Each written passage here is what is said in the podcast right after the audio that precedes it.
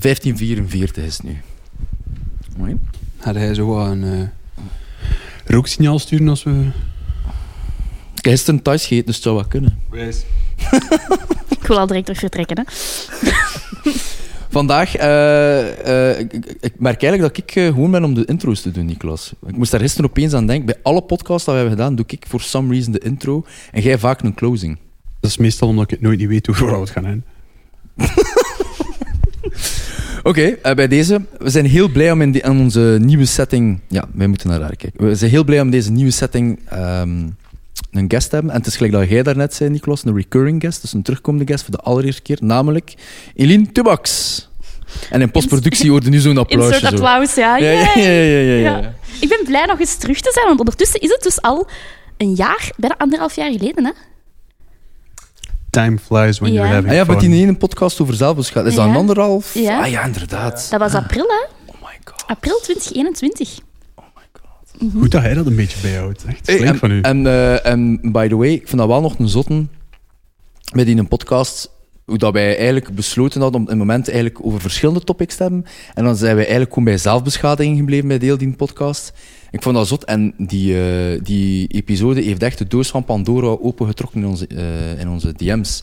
Like, even mensen zeggen van wow, en zalig. En, allee, zalig dat er over gesproken wordt. Niet zalig op zich natuurlijk, maar hoe dat er over gesproken wordt. En ehm, ook voor mij een eye-opener. En zo zie je maar een keer hoe dat, hoe dat je soms een perceptie van iets kunt hebben. Dat ik zal over mezelf spreken en dan eigenlijk gewoon blijken er eigenlijk niks van te weten of zo. Maar ik vond, ik vond het ook, like dat echt een eye-opener, omdat zowel informatief was als super interessant, maar voor veel mensen relatable. Wij wisten dat niet, als, als we daar zoveel DM's over kregen.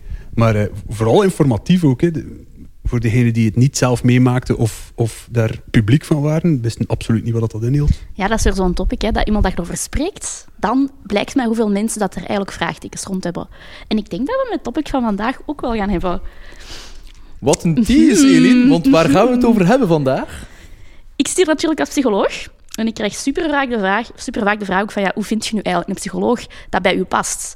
En dan merk ik gewoon al direct dat mensen vaak niet eens weten, één, waar moeten beginnen zoeken, hoe moeten beginnen zoeken en wie past er bij mij als psycholoog? Want ja, daar zit veel verschil op.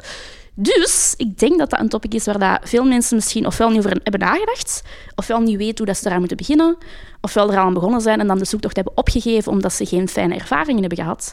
En dat dat daarom wel iets is dat veel mensen toch wel baat bij hebben, denk ik. Voor eens een keer open te trekken. Ik ken iemand die, eh, die bij jou geïnteresseerd was om, om, ehm, om uw klant te worden.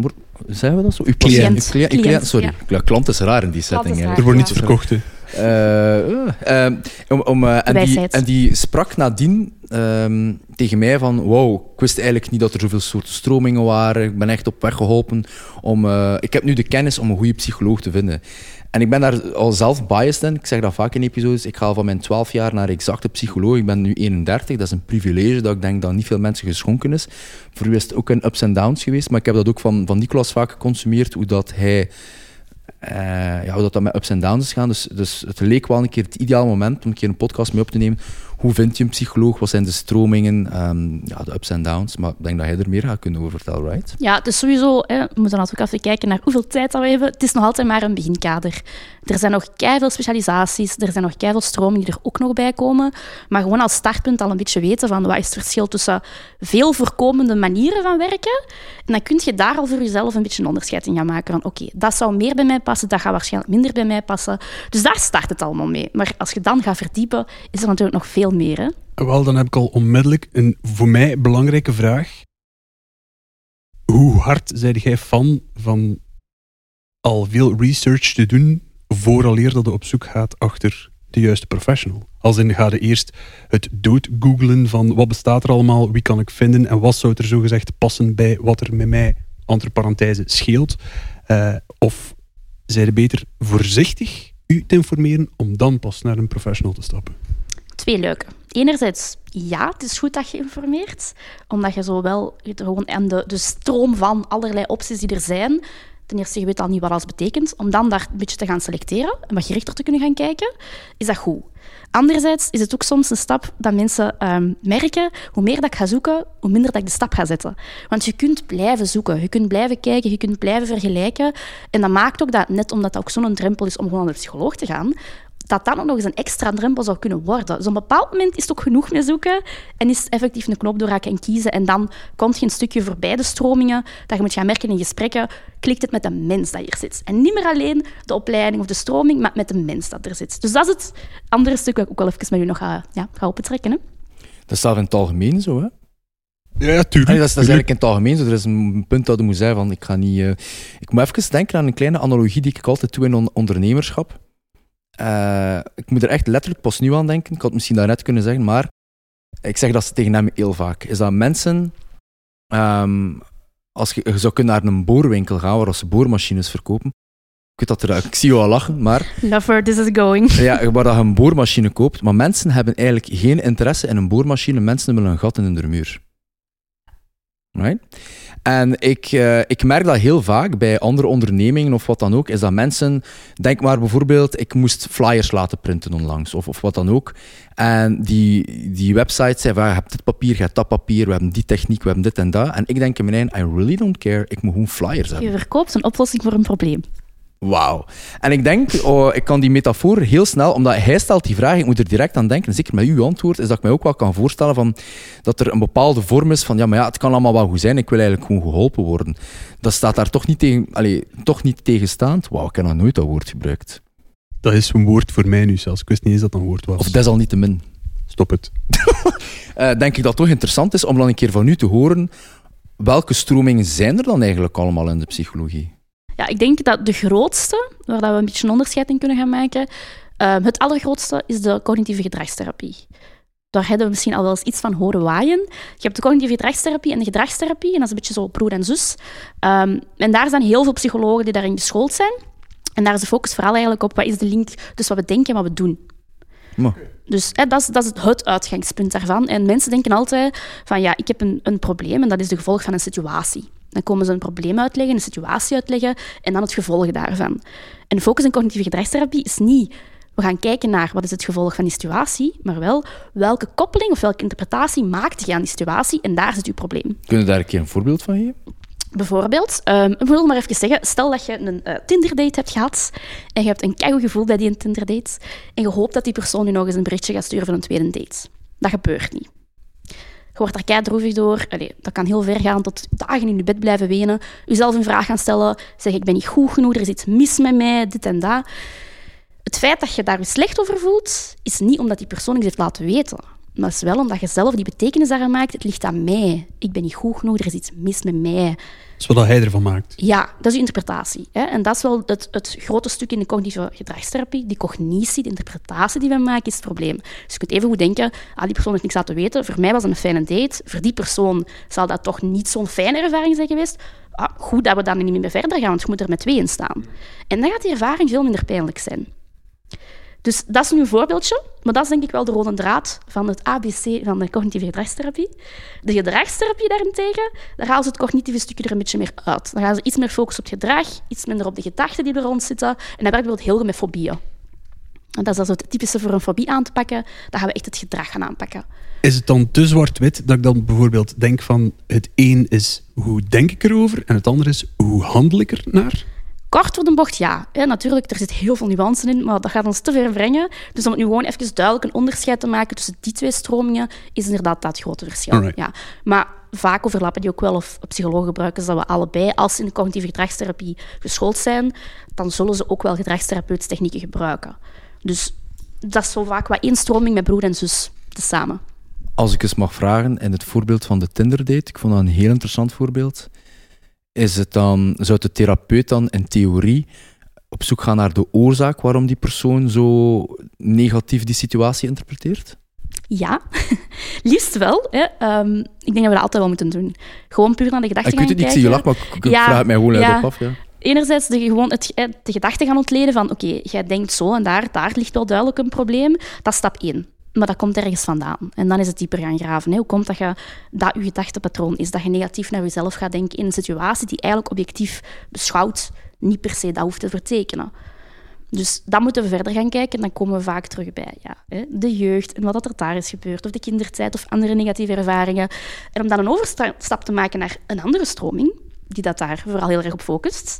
Hè, dat is nog een andere grote stroming. Dat is de psychodynamische. of de psychoanalytische. En als ik zeg Freud, dat is wat mensen direct denken, ah ja, psychologen. Maar Freud is eigenlijk de, ja, de grondlegger van de psychoanalytische, psychodynamische therapie. En die zijn vooral echt met een focus op het verleden en vroeger en dingen uit de kindertijd die dat je je niet bewust van bent, waar er nog trauma rond zit, dat we nog moeten gaan onderzoeken, dat we nog moeten gaan opentrekken. Dat is zeer sterk het focuspunt van de psychoanalytische therapie. En die focussen zich dan veel minder op het hier en nu en het gedrag en de gedachten. Dus dat is nog eens een andere stroming. In die drie stromingen, right? We zitten er aan drie, hè? Mhm. Eh, is er daar een... Wacht, ik ga het eerst zo vragen. Krijgt je bij je opleiding, bij je scholing, evenveel daarvan op je bord? Hm, goeie vraag. Goeie vraag. Ik ga zeggen van ehm, de psychoanalytische in principe op heel veel universiteiten niet meer. Ik heb in Gent gestudeerd en we zitten nu ook in het mooie Gent. Eh, en daar was nog een van de weinige universiteiten waar ze dat wel gaven omdat ze daar niet meer te veel de focus op willen leggen, op zo'n psychoanalytische, psychodynamische, uh, cognitieve gedragstherapie. Dat is de, vooral de grote. Dat is de grote pijler binnen de opleiding. En dan hebben we ook nog de andere stromingen, of meerdere grote, gelijk de cliëntgerichte komt ook nog aan bod, en de systemische.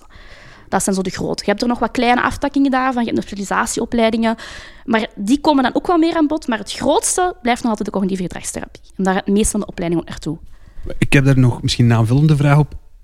Ik ga ervan uit dat dan als professional ergens een beetje ehm, kiest voor in welke stroming dat u het meest thuis voelt. Juist? Ja, en dan kun je nog specialiseren. Hè. Dus ehm, ik heb zelf nog geen therapieopleiding gedaan. Bij mij een bewuste keuze omdat ik graag integratief werk. Dus ik gebruik graag wat de verschillende stromen en ik werk graag op maat van de mens die tegenover mij zit. Maar je kunt ook zeggen van oké, ik heb bijvoorbeeld heel erg een affiniteit met systemische therapie. Dat wil zeggen, ik ga werken vooral met het idee van we zijn allemaal onderdeel van een systeem, van een gegeven met heel veel mensen, je familie, vrienden, andere mensen. Dus ik bekijk dat telkens vanuit, jij bent maar één deeltje van een heel systeem.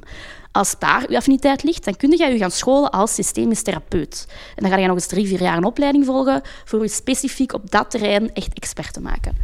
De reden dat ik het vraag is omdat ehm, met, ons beginstelling van is, is het verstandig van heel veel research te doen voordat je zegt van nou wie ga ik of niet, versta ik het dan juist dat eigenlijk mocht u ervan uitgaan dat de professional waar je bij belandt ehm, over verschillende tools beschikt. Dus hij hoeft niet al die research op voorhand te doen.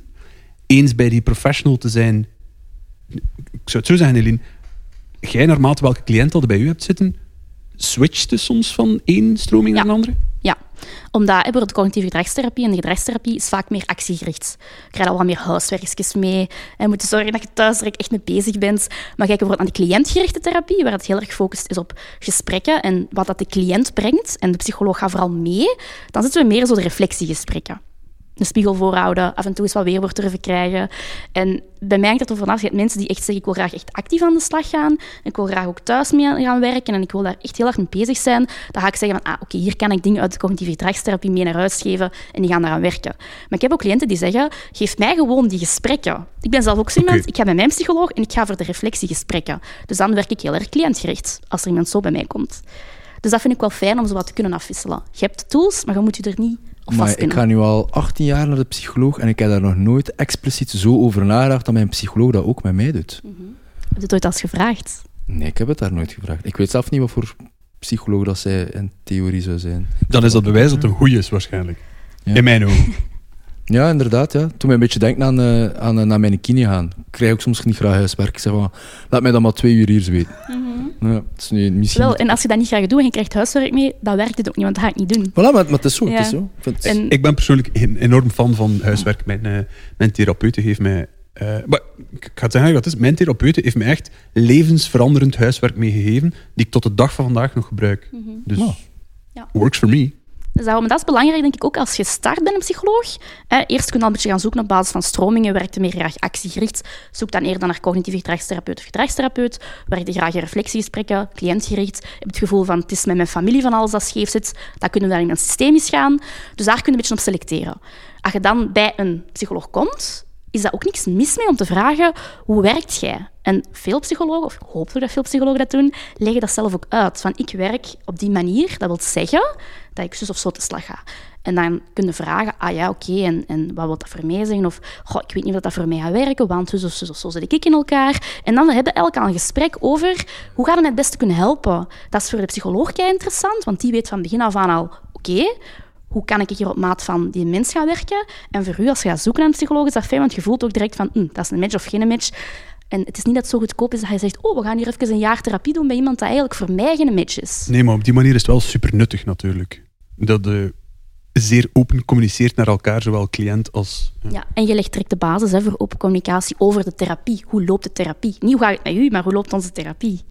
Ik denk dat we zeker ook wel het taboe mogen doorbreken van uh, wel of niet een match te hebben met uw psycholoog en te kunnen zien dat die match niet altijd per se gelinkt is zelf aan de informatie dat die persoon heeft, maar ook aan de persoon zelf. We, we kunnen connecteren nog altijd aan de persoon. Ik heb dat zelf met kinesisten gehad, terwijl ik in mijn hoofd, dat is natuurlijk, ik ben biased, want allee, uh, ik ken er niks van, van, van kinesietherapie.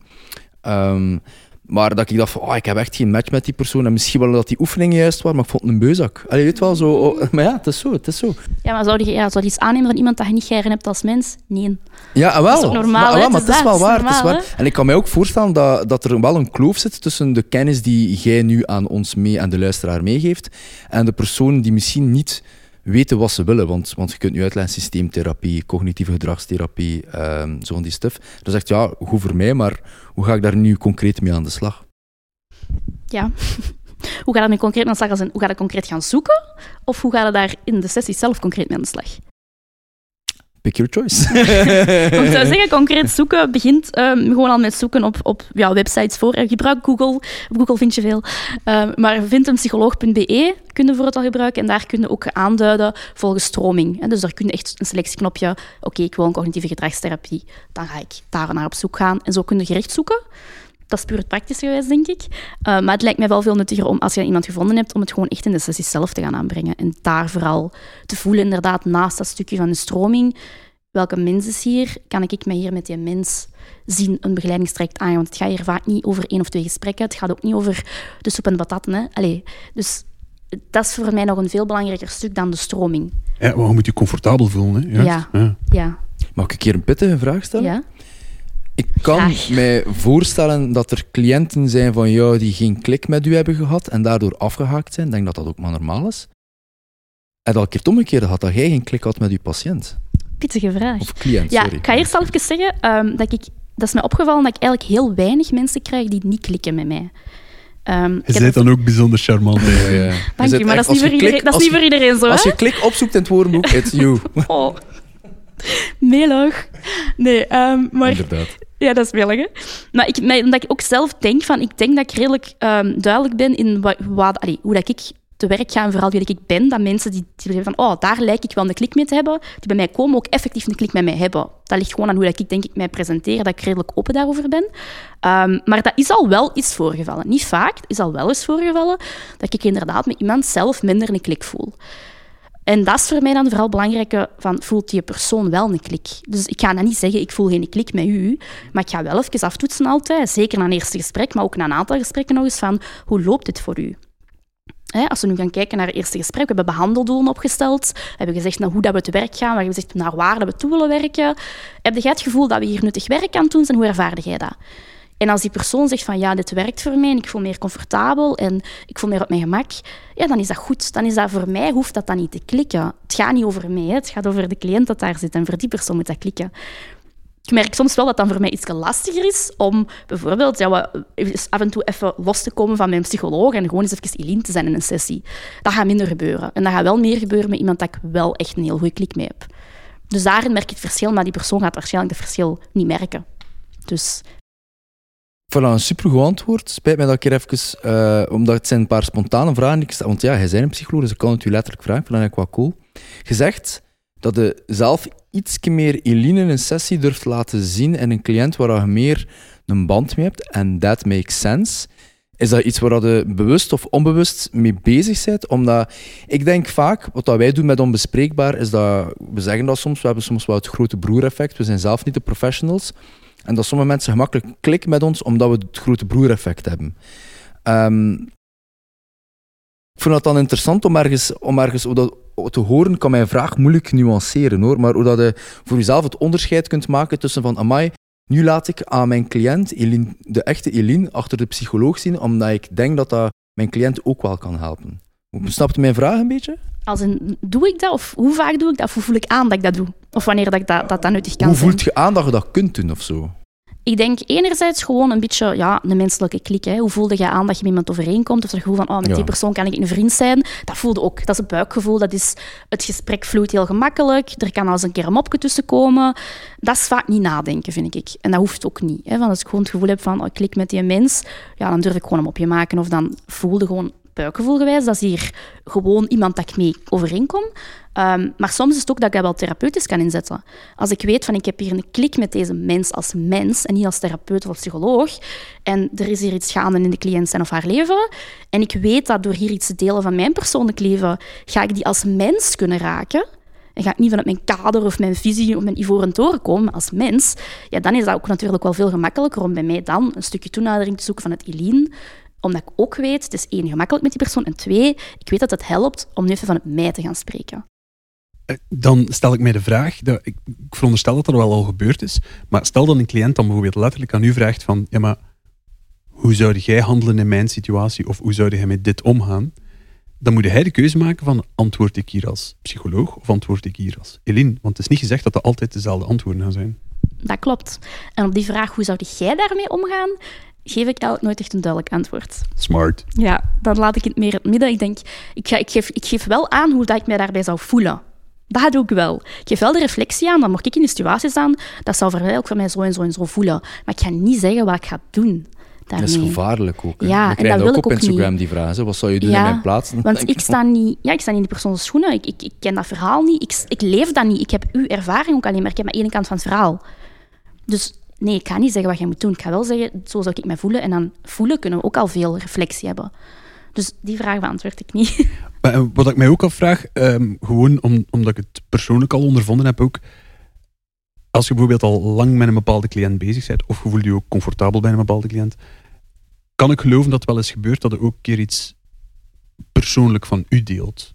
Dat kan iets stom zijn als in van, ik ben recentelijk in een lekker restaurant gaan eten, of ik heb een slechte dag, want eh, familiaal is er iets gebeurd of zo, flap maar wat uit bewaakte enorm die grens of vinden dat dat moet kunnen toegelaten worden als professional naar een cliënt toe? ik vind dat je daar wel een balans in moet vinden, maar ik vind wel dat dat moet kunnen.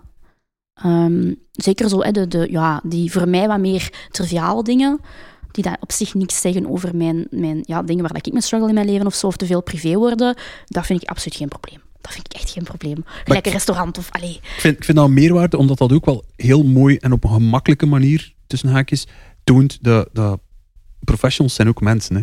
Juist. mhm. En ik denk Liefst. dat dat kan helpen voor cliënten, dat ze dan ook denken van, oké, maar ik zit hier niet eh, bij de Spaanse inquisitie die mij eh, ondervraagt en, en dingen tegen mij gaat gebruiken. Want ik heb zeer veel gezien, mensen rond mij, die als zij hoorden dat ik naar professionals ging, die zoiets hadden van, ja, maar ik vertrouw dat toch niet. En dan vraag ik af, waarom vertrouw je dat niet? Ja, dat is ook vaak een stijldingetje, denk ik. Hè? Het idee van vroeger, van zo de, de divan, de zetel, waar dat net niet moest gaan liggen en dan de Freudiaanse therapeut dat erachter zit, vragen stelt, u aanstuurt op problemen uit uw kindertijd waar je nooit over hebt nagedacht, maar daar zit echt wel een probleem. Dat is ook geen vertrouwensband, hè? Dat is heel erg, ik weet wat dat er mis is en ik ga u daartoe leiden. Dat is niet hoe dat therapie eigenlijk hoort te werken. Dat is mens op mens. Dus dat maakt dat je, als je dat wel doet, het stukje de mens ertoe laten, dat je ook meer kunt komen tot die vertrouwensband. Maar niet iedereen heeft die stijl van werken. Dat is oké. Dat werkt niet voor iedereen. Er- zijn ook mensen die mij te familiair vinden. Die ze hebben van, allee, een reactie over laatst van, goh, het feit dat jij hier als psycholoog dat vertelt op sociale media, dat jij hier je tranen toont, dat kan toch niet? Hoe erg is het allemaal niet gesteld als psychologen dat doen? Dan denk ik, dat is, projectie. ja, dat is oké dat dat zijn mening is en dat hij liever iemand heeft die wat meer afstand heeft en echt volledig in die professionele rol blijft zitten. Er is niks mis mee. Het is wel fijn dat je weet van je eigen wat je voorkeur is. Jij mocht het niet zijn, ik ga het zeggen. Mensen die dat doen, zuiver projectie. Dat is eigenlijk zeggen van, ik heb het gevoel, moest ik dat doen op sociale media, dat mensen mij niet zouden serieus nemen. heeft niks te maken met je. Dan een psycholoog die dat daar dat zicht op heeft, die zou daar ook mee aan de slag gaan. Waarom stoort u dat? Maar ik en moet- dan ik moet zeggen, hè? ik vind het, heel, ik vind het een vrij goede topic, omdat ik... ehm, we moeten nog altijd verstaan, hè, vertrouwen, eh, vertrouwen is gebaseerd op kwetsbaarheid. Het is niet vertrouwd elkaar, dan zijn je kwetsbaar. Nee, je bent kwetsbaar en dan vertrouwen je elkaar. Ik moet zeggen dat ik enorm... ehm, ja, ik ken ook mijn psycholoog al acht jaar, dus je kunt je voorstellen dat dat, dat dat wel een beetje in een grijze zone aan het gaan is. En ik merk dat soms. Soms voel ik van, dit gesprek is niet hetzelfde. En dan vraag ik van, scheelt er iets met u? En dan zegt ze, ja, ik wil u er eigenlijk niet mee lastig van, maar vanmorgen is er dat gebeurd. En, en dan denk ik ook van, ah, tuurlijk.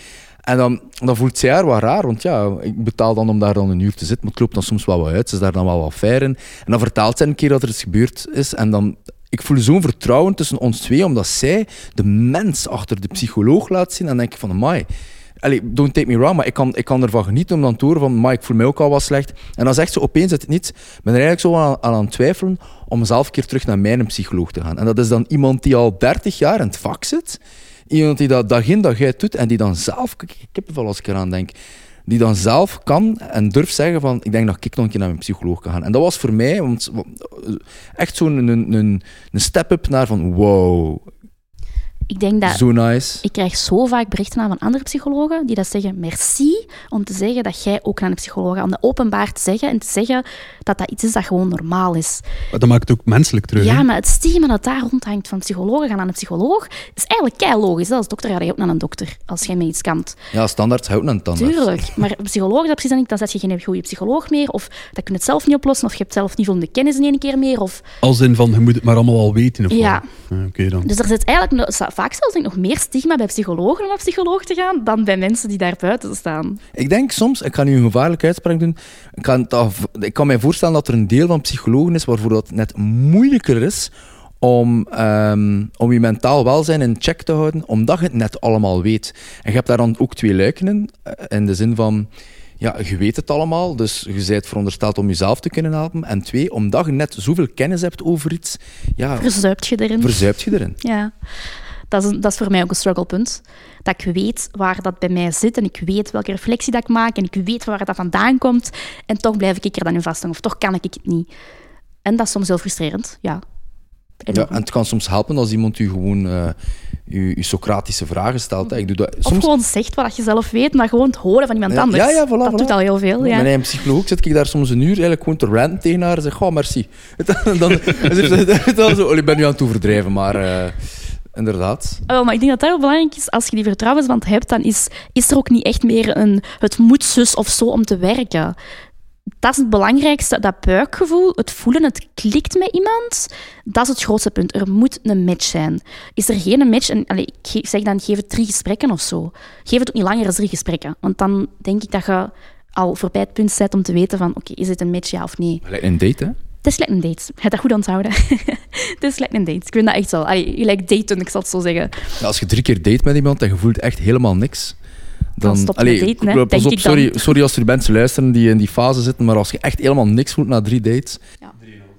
Ja, en ik vind ook, je kunt ook zo zelfs verder de lijn doortrekken van wat is er belangrijk bij dates of bij, bij een partnerkeuze? Wat is er daarbij belangrijk? Communicatie, vertrouwen, eerlijkheid, tijd en samen groeien. Is hij leerkracht geweest? hier? Ja. Dat is echt zo vlot dat het daaruit komt, dat is ongelooflijk. Maar dat is ook wat je bij een psycholoog moet hebben, hè? Ehm, Mhm. In het verlengde daarvan heb ik misschien een mottige vraag. Oeh, shoot. Maar wacht, ik ga het eerst een beetje een, een voorbode geven om te tonen waarom dat ik die vraag wil stellen. Ehm, ik, heb een, ik, ik heb een stevig sportverleden en ik heb de luxe gehad van mensen gehad die altijd mij begeleid hebben. Zowel in voeding, als in trainen, als in al wat je wilt. Right? Sommige mensen rond mij vielen zo een beetje in de slechte gewoontes van eh, ik heb hier het geduld niet voor. Het moet rapper gaan, ik moet sterker zijn, beter zijn, het moest allemaal sneller gaan. Dus die dan wel omringd waren door zeer goede professionals, maar zoiets hadden van nee, nee, nee, nee, nee, ik ga het wel ergens anders gaan, gaan zoeken waar dat nog sneller of beter gaat gaan. Dus mijn vraag naar u is, wat doe je dan als professional als je merkt dat u een cliënt die er wel aan het helpen bent, op een manier te gulzig is en zoiets heeft van dat gaat hier niet snel genoeg vooruit, eh, ik ga het nog bij iemand anders gaan zoeken. Als de relatie goed genoeg zit, en dat is ook weer buikgevoel en inschatting van, ook van de psycholoog, is dat aankaarten op een niet voordelende manier. Vooral de erkenning vooral geven van ik snap dat je, dat je frustreert aan het feit dat het niet snel genoeg gaat, zoals dat jij het misschien in je hoofd had. Hoe komt dat? Eerst dat al gaan uitzoeken. En waar ben je die verwachtingen? Waar loopt het mis? Waar heb je het gevoel dat er dingen ontbreken? Hè? En dan ook wel daarin, denk ik, vooral voor ruimte geven voor uiteindelijk maakt die persoon zijn of haar eigen keuze. Je kunt iets aankaarten, maar het laatste wat je moet doen als psycholoog is gaan zeggen wat hij wel of niet mag doen. Want dan gaat alleen ik. maar dat proces helemaal verhinderen. En als ik het dan omgekeerd zou, zou vragen, stel dat jij, dus de klik is er, geen probleem, ehm, de cliënt komt af, de babbels zijn goed, misschien gezelliger dan onze goed zijn, het is misschien raar dat ik het zo stel, maar vind je dan dat het als professional ook je plicht is als je merkt van, ik ben die niet genoeg aan het helpen en ik denk dat die op een andere plaats beter zou zijn, hoe kaart je dat dan aan? Dan moet je dat wel aankaarten, vind ik. Allee, als het is in de zin van de persoon heeft niet echt grote problematieken en het zijn gewoon een soort van check-in gesprekken, voor die persoon is dat nodig en fijn, dan hoeft dat niet, want dan is er ook geen doorverwijzing mogelijk. We hebben het gevoel van, ja, ik, ik zit hier met, met een, ja, een cliënt met best wel een zware problematiek. Ik voel, ik ben niet de juiste persoon, ik heb niet de juiste kennis of expertise, bijvoorbeeld bij, bij complex trauma of zo. Ehm, en je hebt wel een goede klik met je cliënt, dan is het net vanuit die goede klik dat je dat wel gaat aankaarten. Ga je van, het is vanuit zorg voor u dat ik dit aanhaal. Het is net omdat ik wil dat je de best mogelijke begeleiding krijgt voor waar je meer eens binnengekomen bent, dat ik dit aankaart. Wel, daar geloof ik ook echt 100% in. Want de reden dat ik u dat vraag, Eline, is... Ik heb er juist al een keer, allee, voordat we aan het opnemen waren, al een keer laten vallen. Ik ben oorspronkelijk via mijn huisarts bij een psycholoog beland, waar dat echt niet mee werkte. Dus er was geen klik. Eh, het, voor mij ook, de systematiek zat nergens goed. Maar bon, je dacht van, dit is het, dus ik ben het maar blijven aan het doen. Misschien stom Het van is mij. een psycholoog, het zou Ja. moeten werken. Ik dacht van, eh, ik moet maar er meer mijn tanden in zetten. Ik heb dan het geluk gehad, en dat is, dat is een rare insteek, ik heb het geluk gehad dat ik uiteindelijk bij een neurologe ben beland, die voor andere onderzoeken, allez, aansluitende onderzoeken deed, puur zeer wetenschappelijk en alles, en die dan op basis van haar resultaten dacht van, "Maar eigenlijk zou je beter daarbij gaan. Nu, ik geef dat eerlijk toe, dat was geen cadeau om dan als cliënt naar je psycholoog te gaan en te zeggen, eh, ik ga het ergens anders gaan zoeken. Allee, cru dat ik het zo zeg, hè, maar, maar toch vind ik, en ik spreek dan uit eigen ervaring, dat je dat als persoon echt moet ook kunnen doen. Juist? Juist, ja. En als psycholoog dat ook moeten kunnen binnenpakken. Wat niet wil zeggen dat als mens niet even een, een afwijzende ervaring kan zijn. Hè? Want het is niet dat wij als psycholoog een muur zijn en dat we zitten van, oh, oké, ga maar weg.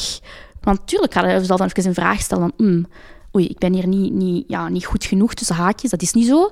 Maar het kan wel zijn dat die gedachte opkomt van, ik kan die persoon niet goed genoeg helpen, ik heb niet voldoende expertise, blablabla. Maar ja, je kunt ook niet iedereen helpen, Nee, juist? dus, ja. dat. dus dat is even denk ik, de reflectie naar jezelf terugmaken van waar gaat het uiteindelijk over? Het gaat niet over mijn ego.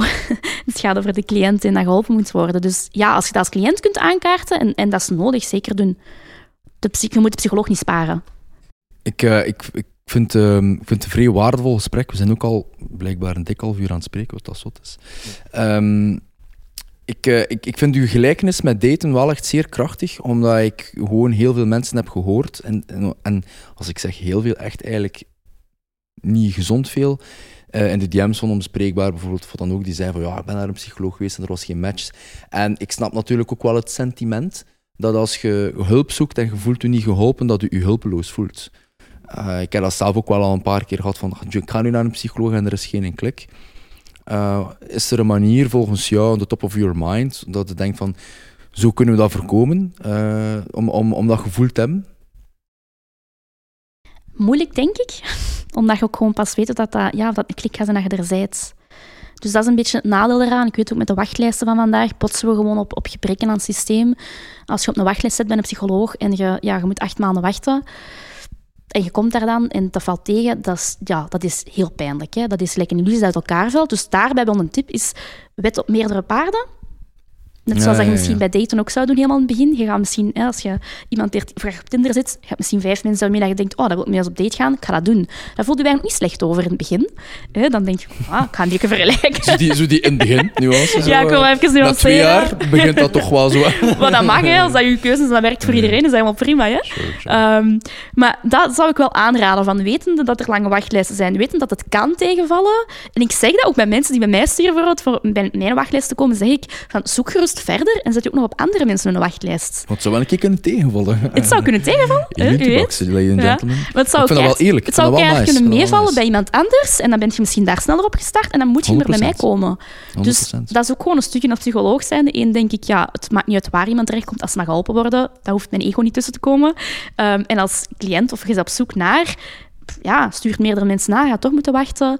En dan ga je, ga je meer kans hebben, stel dat het niet klikt met de eerste, maar je weet, ah, ik sta op een wachtlijst van iemand anders, misschien is er daar meer kans, ga je dat ook niet afhalen. Dus die ene ervaring van hopeloosheid en het gevoel van dat is tegenslagen, een psycholoog gaat me niet helpen, ga de rapper een kans geven als je weet, er is nog iemand. En dat ligt al klaar. Het is nog niet direct, maar het ligt klaar. Ik, uh, ik koppel daar even op terug. Ik, um, dus het hele idee um, even op mijn taal komen. Het hele idee bijvoorbeeld um, van die klik met die psycholoog. Je hebt de, de informatie die een psycholoog is en de persoon die de psycholoog zelf is. Ik heb eens één iemand doorverwezen naar mijn eigen psycholoog. En um, die, had, die had daar totaal geen klik mee, die persoon. Maar echt at all, not even close. En ik vond dat raar om dat aan te horen en dacht in mijn van, ik voelde mij enerzijds zo wat slecht en anderzijds van, dat kan toch niet, ik heb al acht jaar zo'n klik mee. En dat was voor mij ook een ultiem bewijs, is dat niet iedereen een klik heeft met dezelfde persoon, ook al hebben ze toegang tot exact dezelfde informatie. Die persoon heeft nu een, andere psycholoog gevonden en dat botert supergoed, omdat die persoon ook meer lijkt op de ander. Ik ben nu al cryptisch aan, aan het bespreken. En dat brengt mij eigenlijk bij de vraag van Oké, er is duidelijk een, een, eh, een, andere formule die we allemaal hanteren om te spreken over succes met je psycholoog. En ik stel mij dan graag de vraag naar u toe: wanneer spreek je over succes met een, met een cliënt of, of, of als cliënt succes met een psycholoog? Ik denk een van de belangrijke dingen daarbij is al in, sowieso in het begin van een begeleiding even aftoetsen samen waar we naartoe werken. Iemand kan bijvoorbeeld binnenkomen met een vraag, klaar wordt ik slaap slecht, dat gebeurt soms. Um, en in die moment zal die persoon zeggen, ja, ik wil beter slapen, dat is mijn behandeldoel. Dat je dat psycholoog in rekening neemt, wel altijd terugtoetsen, om zoveel gesprekken, om zoveel tijd even terugtoetsen, om te gaan kijken, één, hoe is het met de klachten? Maar ook, zit er misschien nog extra achter? Hè? We gaan wat dieper gaan, er zit vaak andere problemen achter, waarom dat iemand slecht slaapt. Um, dus dat is sowieso één groot stuk is behandeldoelen stellen. Hè? Dat is eigenlijk de verantwoordelijkheid van een psycholoog. Niet elke psycholoog doet dat, dat ik dat hoor. Dus als cliënt zijn of als zelf naar een psycholoog gaan, vraag daar zelf achter. Van ik wil graag even concreet maken waaraan we gaan werken of wat ik graag wil uit deze begeleiding halen. Dat is stap 1, want je moet altijd een maatstaf hebben voor succes aan te meten. Dat is uw maatstaf. Dat is stap 1. Dan, om te weten van, is er succes, is sowieso regelmatige check-ins doen. Waar zijn we vertrokken, waar staan we nu, hoe ver hebben we nog te gaan. En dan ook gaan kijken van, ja, kunnen we dat bijvoorbeeld meetbaar maken? Enerzijds bijvoorbeeld in hoe ga ik met je klachten dat we hebben gezegd. Is daar een afname van de klachten bijvoorbeeld of niet? En als er bijvoorbeeld geen afname is van klachten, wil ook niet altijd zeggen dat het niet werkt. Want dan moet je gewoon kijken naar, is er meer inzicht gekomen? Hebben we meer reflecties gemaakt? Hebben we uw blikveld opengetrokken? Dat is ook een maatstaf van succes. Hoe is het met uw uh, koping van uw emoties? Hoe ga je met uw emoties om? Zijn jij andere gesprekken aan het voeren met de mensen in je leven? Er zijn best wel veel maatstaven van succes. We moeten dus alleen zorgen dat we ze kunnen concreet maken. Want anders krijgt iemand het gevoel, het werkt niet. Want ik voel geen verandering, of ik zie geen verandering in mijn leven. Er moet evolutie zijn. Ja, er moet evolutie zijn. En dat is de verantwoordelijkheid van de twee partijen, is dat blijven, blijven vasthouden en dat blijven bespreken. Maar en zeker iemand met een negatief zelfbeeld kan ik me inbeelden dat als die persoon dan wel vooruitgang maakt, dat die persoon na tien sessies nog altijd zeggen van ah, dit werkt niet voor mij. Ja, of ja, maar dit en dit en dit is nu allemaal bijgekomen. Of ja, maar ik heb dit en dit en dit nog niet aangepakt. Terwijl er wel heel wat stappen zijn gezet. En dat is dan weer de verantwoordelijkheid van de psycholoog om dat bij te houden. Welke stappen zijn er allemaal gezet? Dat vaak genoeg te reflecteren naar de cliënt. Zodanig dat je zelf ook voelt als cliënt van ah ja, juist, wow, dit is er wel allemaal veranderd. Dit heb ik wel allemaal geleerd en dit heb ik wel allemaal ontdekt. Dus er is wel verandering. En daar zit ook weer in, ja, dat echt communiceren. Niet, als je merkt bij een psycholoog, de psycholoog gewoon zit en luistert en niks teruggeeft, dan kun je ook eigenlijk bijna niet weten of dat er succes is in therapie. Want je zegt het maar alleen aan het doen. Juist, mooi, oké. Ja, ja. Een zotte uh, rond, uh, met, met, nogmaals, weer in mijn eigen ervaring, heb ik uh, een zeer intense traumatherapie gedaan. En traumatherapie is echt zo het voorbeeld in mijn hoofd van het is niet. Uh, in de zin van, mijn leven ging eigenlijk al consistent in patronen niet super goed. En dan gaan we even de doos van Pandora open doen en het gaat echt helemaal niet goed. Tot op een niveau dat mijn eigen moeder zei van, Jeff, ik denk dat het beter is dat je daar niet mee doordoet. Uh, ik zie, je zit daar kapot van. Tijdens, daarna, een week, je zit daar eigenlijk gewoon kapot van. En ik denk dat dat als psycholoog het moeilijkste is om te weten dat je cliënt... Sorry dat ik het zo verwoord, maar het was mijn ervaring om eigenlijk echt door de hel te gaan mentaal, maar echt intens. En dat je dan weet van, want ik geloofde daarin. Ik wist van, ik ga hier beter door worden. Maar waarom geloofde je daarin? Ga, omdat ik in de light versie daar al, al geweest was. Uh, omdat ik in een bepaalde, omdat ik ook al had gezien dat soms moesten door een keer door iets zwaar gaan om Ik weet, ik weet het eigenlijk niet per se. als dat in- het antwoord op de vraag is. Als in zal het werkt voor u?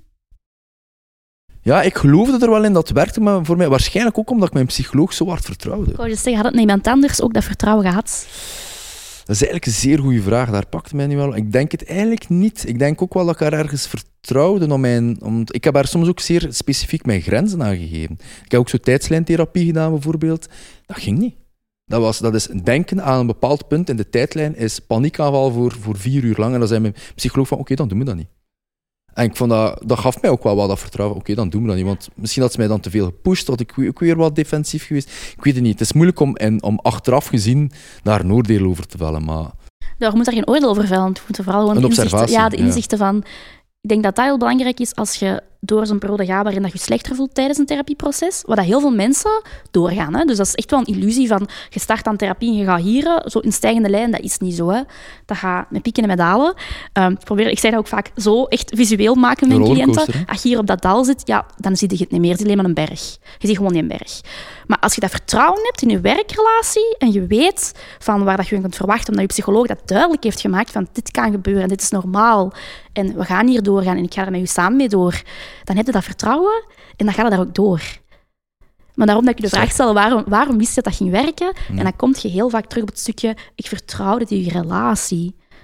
En mezelf. En dat is, hè, je vertrouwt ook jezelf. Wetende van, je hebt misschien op die moment even helemaal het geloof in je eigen kwijt, maar ergens vertrouwt je toch op je capaciteit om daar door te gaan.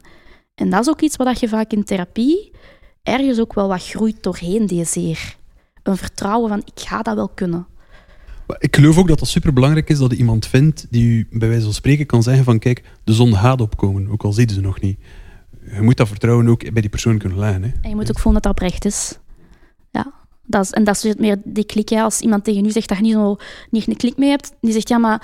Allee, niet, niet zo stom, het komt goed, hè. Dat, dat niet. Nee, nee, tuurlijk niet. Dat zeggen we niet. Dat we hè. niet. Nee, maar wel zin van, dit is een normaal onderdeel van uw proces. En ik weet niet hoe dat we hieruit gaan komen, maar we gaan hieruit komen. Jij gaat hieruit komen. En je gaat hier lessen uit leren en je gaat wel antwoorden vinden. En ook als dan misschien niet dingen dat je wilt. En je gaat even door heel veel pijn moeten. En we gaan daardoor raken. Als iemand dat zegt tegen u dat je niet vertrouwt of niet fijn vindt, dan ga je dat niet pakken. Zegt Natuurlijk iemand dat tegen u dat als een warm dekentje voelt, dan ga je dat wel pakken. En sterker nog, ehm, stel je voor dat je als mental health professional tegen een cliënt zegt van het gaat allemaal wel meevallen, eh, dan zou ik het gelijk ook maar moeilijk vertrouwen. Ik. Eh, het is gelijk naar een tandarts gaan en te zeggen, nou, het gaat allemaal wel meevallen. En, en Ja, het gaat it meevallen. usually doesn't. Ja, dat is het ook weg. hè, ja. Ja, ja. Soms is het ook gewoon het beste dat je kunt zeggen, is het gaat echt gewoon heel shit zijn. Het gaat heel shit zijn, het gaat heel veel pijn doen, dat gaat kei moeilijk zijn en je gaat het soms even niet meer zien zitten. Het is eerlijk. Het is eerlijk. En Dat dat, is- bouwt vertrouwen. Dat is wat dat wij, ik, denk, allee, ik zeg altijd, ik spreek niet voor hem, ik spreek wel voor hem. We zijn Ja, trouwens. ondertussen wel. You are one. Ja, dat, is, dat het hoort erbij, hè. Eh, om zo wat af te sluiten, zou ik graag nog... Het is, het is een, waarschijnlijk een super rare vraag. Ehm, allee, ik, denk, ik vind het een super rare vraag, omdat ik er het antwoord niet op weet. Ehm, in het voorbije jaar heb ik een beetje te veel de term gehoord van dubbele diagnose, mensen die uitbehandeld zijn en zo. Ik geloof daar... Uitbehandeld, daar geloof ik niet zo hard in. Ik vind, ik vind dat zeven in pakjes persoonlijk. Eh. Voilà. Maar dat wordt gezegd, hè, die is uitbehandeld, dus we kunnen daar niks meer mee doen. Eh, dubbele diagnoses maakt het moeilijker, which I get. Daardoor geloof ik dat het in principe nooit te laat is van bij een professional te gaan. Daarmee wil ik niet zeggen in leeftijd, ook in leeftijd natuurlijk, maar hoe moeilijk dat ook is, hoe, hoe, hoe meer dat er ook verkeerd is gegaan, wat dat er allemaal bij komt. Het is volgens mij nooit te laat om naar een professional te gaan. Juist. Akkoord. Maar dan vraag ik me af: bestaat er zoiets als het is te vroeg om naar een professional te gaan? In mijn ogen nee. Ehm, wat wel kan zijn, is dat je, ja, je gewoon bepaalde dingen nog niet voldoende weet of beseft of toe kunt laten om eraan te werken. Dus dan die dingen kunnen misschien nog niet raken. Maar dan zijn er vast wel andere dingen. Dus nee, nee. ik vind niet dat- het is van het is te vroeg, het is nu niet de moment. Ik ben nog niet voldoende op mijn problemen gestuurd om daar, daar rond te gaan werken. Dat vind ik niet. Dus je mag een beetje op je gevoel afgaan van, als je denkt van, goh, ik zou misschien wel een beetje professionele hulp kunnen gebruiken of willen, dat je daar gewoon op ingaat. Ja, niet denken dat de andere mensen het erger hebben en dat jij niet erg genoeg bent om hulp te krijgen of hulp te zoeken. Ja, maar dat is exact daarom dat ik het vraag, omdat we ook al in, in meerdere DM's hebben gelezen dat er mensen zoiets hebben van, goh ja, eh, met die wachtlijsten wil ik niet naar een professional stappen, want er zijn zoveel ergere problemen in de wereld. Maar eigenlijk, allee, iedereen zijn probleem is proportioneel Ja. het grootste probleem, right? En ik vind ook als mensen daarmee afkomen, dan denk ik van oké, dan hebben we al direct een probleem geïdentificeerd, want jij vindt jezelf niet belangrijk genoeg. Minder belangrijk dan anderen. Je vindt jezelf niet goed genoeg. Hey. Dan zitten we daar al op. Dus ik, en ik heb dat heel vaak, dat mensen zo binnenkomen dat ik, en dat mensen zelfs tot hun plekje zouden opgeven voor iemand anders die het erger heeft. Ehm, zo gezegd erger. Hè? Dan denk ik, ja, maar ho, ho, ho. Het feit dat je zo redeneert, is een teken dat je wel effectief nog groei te maken hebt met hoe dat je jezelf behandelt. Ja, dat zegt iets over het zelfbeeld. Hè. Ja. Dus zowel te laat naar een professional gaan, kan Bestaat niet, niet. En te vroeg bestaat ook niet. Nee. Ik zal zelf nog meer zijn. Wij hebben een recent een interview gehad met eh, Gezond Leven. Was dat Ja, magazine, ja. Gezond Leven? Ja. En zij, eh, ik vond dat, dat was een vrij lang gesprek, by the way. En ik vond het zalig dat ze er iets had uitgenomen. Eh, het was zo'n titel. Wat als iedereen naar de psycholoog zou gaan zoals ik naar de tandarts ga? Ik ga drie keer in het jaar naar de tandarts. Ehm, en zij, eh, en, ik ga ook nog altijd heel vaak naar de psycholoog. En mensen zeggen van, ah, scheelt er nog altijd iets mee? Ik zeg, wat scheelt, scheelt niks met mij. Ik, bedoel, ik ga gewoon naar de psycholoog. Heel vaak om aan haar... Ze kent mij zo goed, nogmaals, is een privilege, dat ik kan zeggen tegen haar waar ik mee bezig ben. En dat zij mij kan challengen waar ik mee bezig ben. Dus zelf als je... Het gaat hem... Dus voor de luisteraar, ik snap dat, er, dat je, je kunt in een fase zitten tussen te vroeg en te laat naar de psycholoog gaan, maar eigenlijk kun je, naar mijn mening, altijd naar de psycholoog gaan. Waar het niet van de wachtlijsten, want er zal wel iemand zijn die in een DM zet, schaam u niet met die wachtlijsten. Nee, ik schaam mij niet. Uh, maar anderzijds ook, denk ik van, voor mij is dat gewoon super nice om, om te kunnen mentaal sparren, bij wijze van spreken, met iemand die zegt van, bijvoorbeeld, uh, ah, ik denk dat daar misschien wat niet goed gereageerd hebt. En dan hoor ik het niet graag, en dan reflecteer ik, dan stuur ik een sms'je. Thank you. Um, dus nee, het is nooit te vroeg of te laat. Het is altijd right on time. Als ik daar even mag op inpikken, mijn persoonlijk grootste fout, als ik professioneel geholpen werd en word, is te snel en vooral zonder overleg voor mijn eigen te beslissen van, oh, het is wel oké, okay, ik ga niet meer gaan. En ik geloof dat er meer en meer mensen ook in die valkuil vallen. Ja, dat geloof ik ook. En uiteindelijk, als psycholoog kun je daar dan niet veel aan doen. Dat hoort soms ook bij het stukje van het proces van iemand. Om dat te doen. Dat denk ik ook. Dat denk ik ook. En dan moet als psycholoog denken, oké. Okay. En dan komt die... Ik geef altijd mensen mee, je bent altijd welkom. Graag terug wilt komen, kom er terug. En dan zou ik het daar misschien wel op voor hebben. Maar op het moment dat iemand die beslissing maakt, is dat misschien gewoon een nodige stap in die persoon zijn of haar proces om dat te doen. Om daarop te botsen. Terwijl als je de tandartsvergelijking maakt, ik ga drie keer in het jaar, waarom? Drie keer in het jaar een foto, ik betaal daar veel geld voor, maar het is mij veel waard, omdat als ik een gaatjes heb in mijn tanden, dan kun je het op dat moment al oplossen ten opzichte van twee jaar later dat het serieus gehad is. Het is misschien een zeer Sesamstraat analogie, maar ik zie het ook zo voor mijn mentale gezondheid. Like als je een, een half jaar, twee jaar iets laat aanslepen, dan, is, ja, dan, dan zitten we met iets anders. Dus ik ben zo proactief in, uh, op, op, op vlak van mentale gezondheid. En mijn tanden dus ook duidelijk. Welkom op de Tandenpodcast. Alright, dan sluiten we hier af. Zeker. Ik voel, ik, voel, ik voel echt zo, ik voel mij zo, oké, okay, sorry. Ja, nee, ik was gewoon zo hard op mijn tanden aan het bijten om niet te zeggen. En deze episode is gesponsord door Colgate, waar 9 uit 10 blablabla. Nee, dat gaan we niet doen. ik vond het wel een goed mopje, chef. Dus. Dank u wel, dank u wel, Eline. Dank u wel, Eline. Dat is direct ook zo met een, een lichte noot afgesloten. Hè? Voilà, voilà, Ga naar voilà. een psycholoog zoals je naar je tandarts gaat. Voilà, oké, okay, zalig. Dan sluiten we het hier af. Good for me. merci, Eline. Ja, en, merci uh, tot de om mij erbij te hebben.